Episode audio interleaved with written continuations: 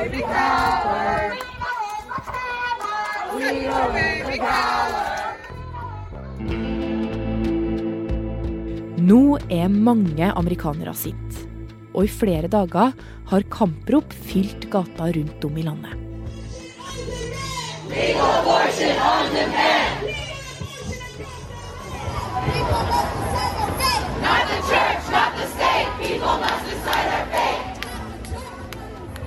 Og det er kanskje ikke så rart.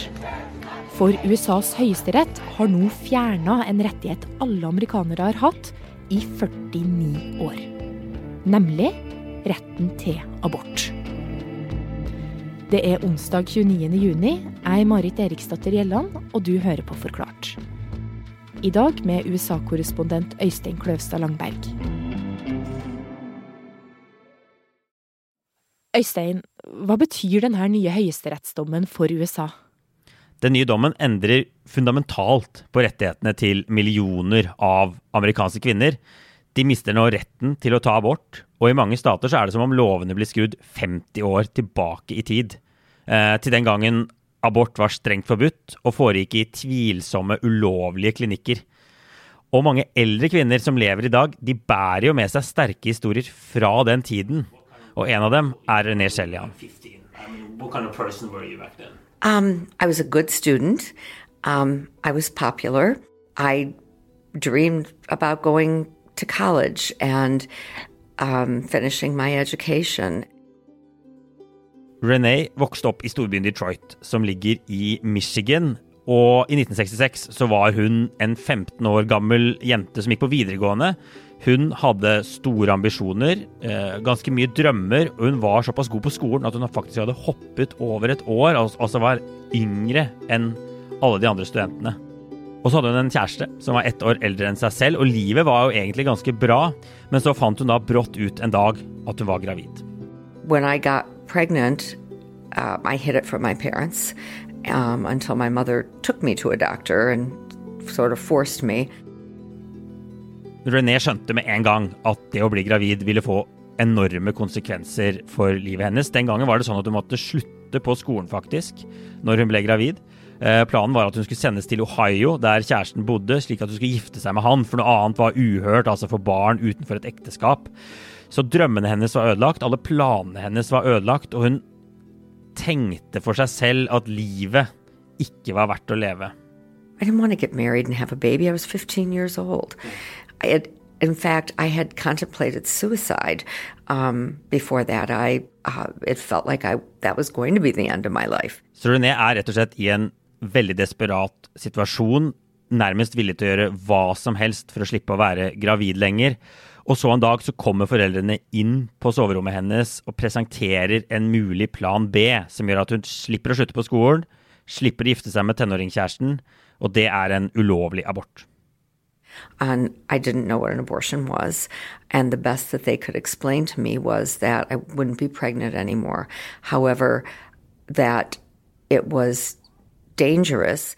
They didn't talk about the Abort var farlig på denne tiden fordi det var ulovlig i alle de 50 statene i USA. Så hun kunne både sette seg selv i fare, men også de som skulle utføre aborten, løp jo stor risiko, bl.a. for en i fengsel. But I felt so desperate that I will never, ever forget that feeling. And what women with an unwanted, unplanned Så René velger altså å ta abort, men heller ikke det er bare bare. Så det som skjer, er at René og faren som følger henne, får beskjed om å møte opp på et spesifikt sted i Detroit en dag i august. Der blir de plukket opp av en bil. Begge må ta på seg bind for øynene, de må gjemme seg i bilen. Og de blir kjørt da, mens de sitter med dette bindet for øynene, til en slags lagerhall. Det er i hvert fall sånn René beskriver det når hun da tar av seg eh, bindet igjen. Hun tror kanskje det er et slags bilverksted. there were a lot of grease stains and oil stains on the floor, so it could have been a service garage or something. There, I mean, Og det var mange andre kvinner der, og de satt på rekke og rad. But I was afraid to look at anybody's faces because, like, if I looked, what if they thought I was being nosy? What if they didn't do my abortion? So I just stared at people's feet. Så er det Renés tur, og hun får utdelt sterke smertestillende, så hun er ikke våken når inngrepet skjer. Men når hun da kvikner til igjen, så er det veldig raskt tydelig at ting ikke gikk som disse på abortklinikken hadde planlagt. De sier at hun var lenger på vei i graviditeten enn de trodde, og at de ikke kunne bruke den vanlige metoden sin. Så isteden har de fylt livmoren hennes med gasspinn, som er en slags hvit bandasje. Og ideen da er at dette skal fremprovosere en abort. Men det viser seg jo veldig raskt at det overhodet ikke gjør det. Dagene går, men det skjer absolutt ingenting. Etter hvert så får familien tak i noen piller fra et apotek, men heller ikke de fungerer. De gir henne bare en sånn hvining i ørene. Så det blir etter hvert klart at de må tilbake til den ulovlige klinikken.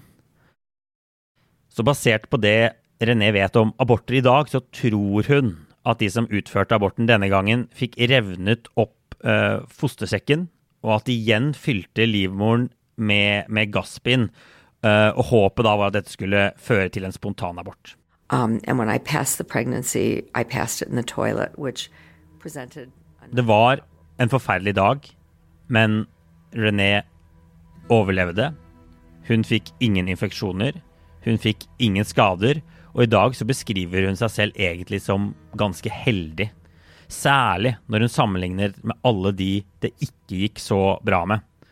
René har møtt kvinner som har fått livet totalt ødelagt av illegale aborter, eller fordi de forsøkte å avslutte svangerskapet på egen hånd, rett og slett. Og hun har møtt folk som har mistet nær familie og nære venner pga. aborter som ikke gikk etter planen. Og det er nettopp det hun nå frykter, da. At kvinner igjen skal måtte oppsøke ulovlige klinikker eller forsøke å ta bort på egen hånd. Så hun og andre frykter rett og slett en helsekrise i USA fordi retten til selvbestemt abort nå er borte.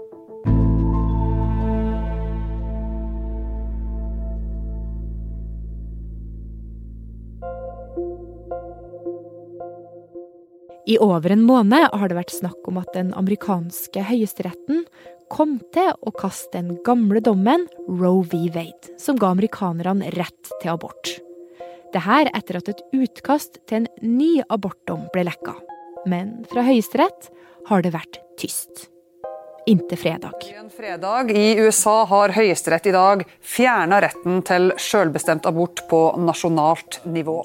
Roe v. Wade, that is the landmark court ruling from 1973 that legalized abortion nationwide. These are the scenes outside. And Roe v. Wade, according to our reports from the U.S. Supreme Court and our own Shannon Bream, is that Roe v. Wade has been overturned. And the question. Til stor jubel blant abortmotstandere. Today's historic Supreme Court decision is a victory for the sanctity of life. It will save countless innocent children.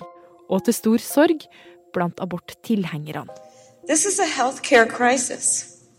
Because understand, millions of women in America will go to bed tonight without access to the health care and reproductive care that they had this morning. Men du Øystein, hva er det egentlig den faktiske nye dommen sier? Altså, USA har ingen abortlov sånn som vi har i Norge. Altså en lov som er vedtatt av politikerne på Stortinget. Isteden så var det Høyesterett i USA som i 1973 innførte selvbestemt abort i hele landet. Dommerne i Høyesterett mente den gangen at det var grunnlag for å innføre en sånn abortrettighet i den amerikanske grunnloven. Og siden dette så har det pågått en voldsom kamp om abort i USA.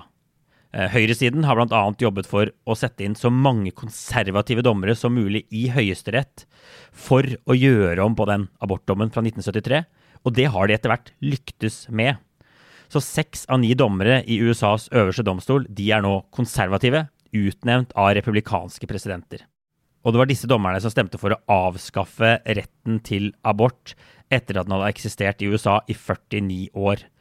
Og umiddelbart etter at dommen var offentlig, så begynte de første delstatene å forby abort.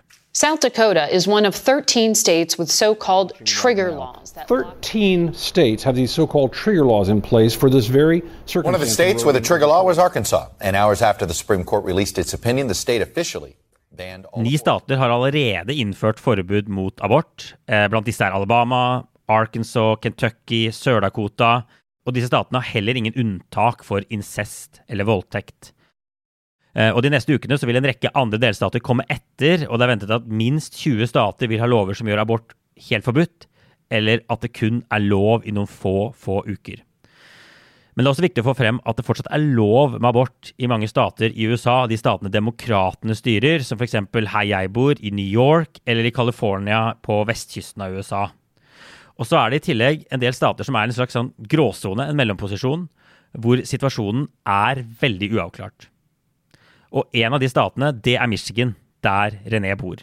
Så selv om hun nå er over 70 år, så er det sånn at dette abortforbudet kan påvirke henne direkte. My life is a series of coincidences, but when I when I opened the clinics, so I I knew what I wanted to do. René kom seg gjennom sin egen abort og var tilbake på skolebenken nesten med en gang. Men i årene etterpå så engasjerte hun seg etter hvert veldig sterkt i kampen for retten til abort over hele USA.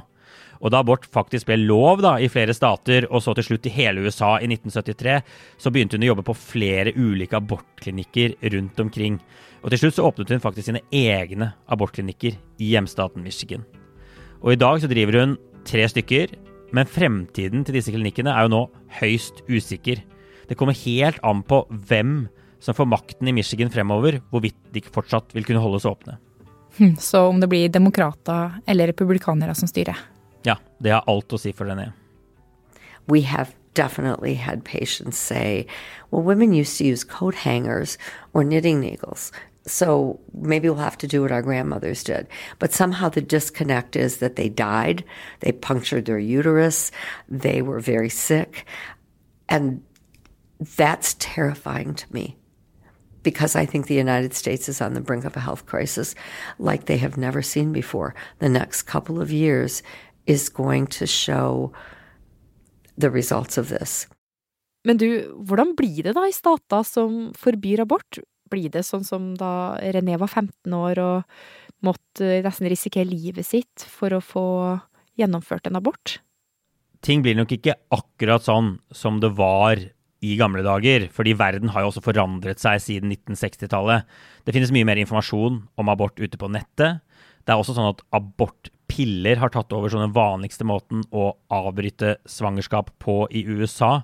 Så det er færre som må gjennom den type inngrep som René ble utsatt for. I tillegg så er det jo som sagt mange stater hvor abort fortsatt vil være lov, som man kan reise til. Eh, som jo er en viktig og sentral forskjell. Men ikke noe av det her beroliger René. Millioner av kvinner i USA bor på steder der de må reise hundrevis av kilometer for å komme til den nærmeste klinikken. Og langt fra alle har jo en jobb eller en livssituasjon eller en økonomi for å få til, for å kunne gjennomføre en sånn reise. Og mange stater jobber allerede for å gjøre det vanskelig å sende abortpiller i posten, f.eks. Og det er også planer for å forsøke å hindre at kvinner, eller i hvert fall gjøre det vanskelig at kvinner reiser til andre stater for å ta abort. Så mange frykter at kvinner igjen vil måtte ty til ulovlige klinikker, eller at de til og med i ytterste konsekvens vil forsøke å ta abort på egen hånd. Men det er ikke den eneste frykten hun og mange andre amerikanere har nå. For flere amerikanske rettigheter er nemlig ikke vedtatt av politikerne, sånn som her i Norge men de er vedtatt av Høyesterett. Det gjelder bl.a. retten til prevensjon, legalisering av sex mellom folk av samme kjønn, retten til ekteskap mellom homofile. Og den mest konservative av alle dommerne i Høyesterett skriver i et sånt tillegg til dommen at han mener man bør revurdere alle disse gamle kjennelsene også, når man først revurderer abortretten. Og så er det uklart hvor mange av de andre dommerne som er enig i det, men dette har i alle fall skremt veldig mange på venstresiden. De sier at når abortretten kan ryke så brått, så kan også andre rettigheter stå i fare. Så hva betyr det her da for demokratene fremover? Det er ingen tvil om at denne abortdommen er et enormt nederlag for demokratene og for venstresiden i USA, men noen ser også på det som en mulig redningsplanke. Det er sånn at De første meningsmålingene etter at dommen kom, de er nå dukket opp og blitt offentliggjort, og de viser at det er et betydelig flertall i USA som er imot dommen. Og et enda større flertall er imot den type abortlover vi nå ser i en del stater hvor man ikke har unntak for incest og voldtekt. Det er det store, store majoriteten av amerikanere som mener er en dårlig idé. Så venstresiden er klar til kamp. Jeg tror de innser at i første omgang er veldig lite de kan oppnå nasjonalt. Der har dommerne sagt sitt. Den nasjonale retten til abort er død. Men på delstatsnivå så er mulighetene store, og det er der kampene nå vil foregå fremover.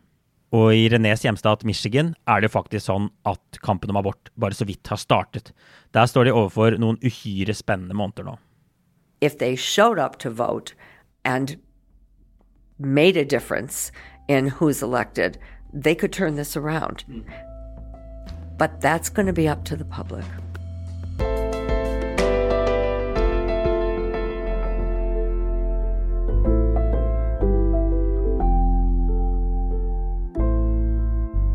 Det var USA-korrespondent Øystein Kløvstad Langberg som fortalte om abortendringene i USA. Episoden er laga av produsent Jenny Føland og meg, Marit Eriksdatter Gjelland. Resten av Forklart er Synne Søhol, David Vekoni, Anne Lindholm, Fride Nesten Onsdag, Anders Weberg og Karoline Fossland. Lyden var fra nyhetsbyrået AP, NRK, BBC, Fox News, CNN, NBC og CBS.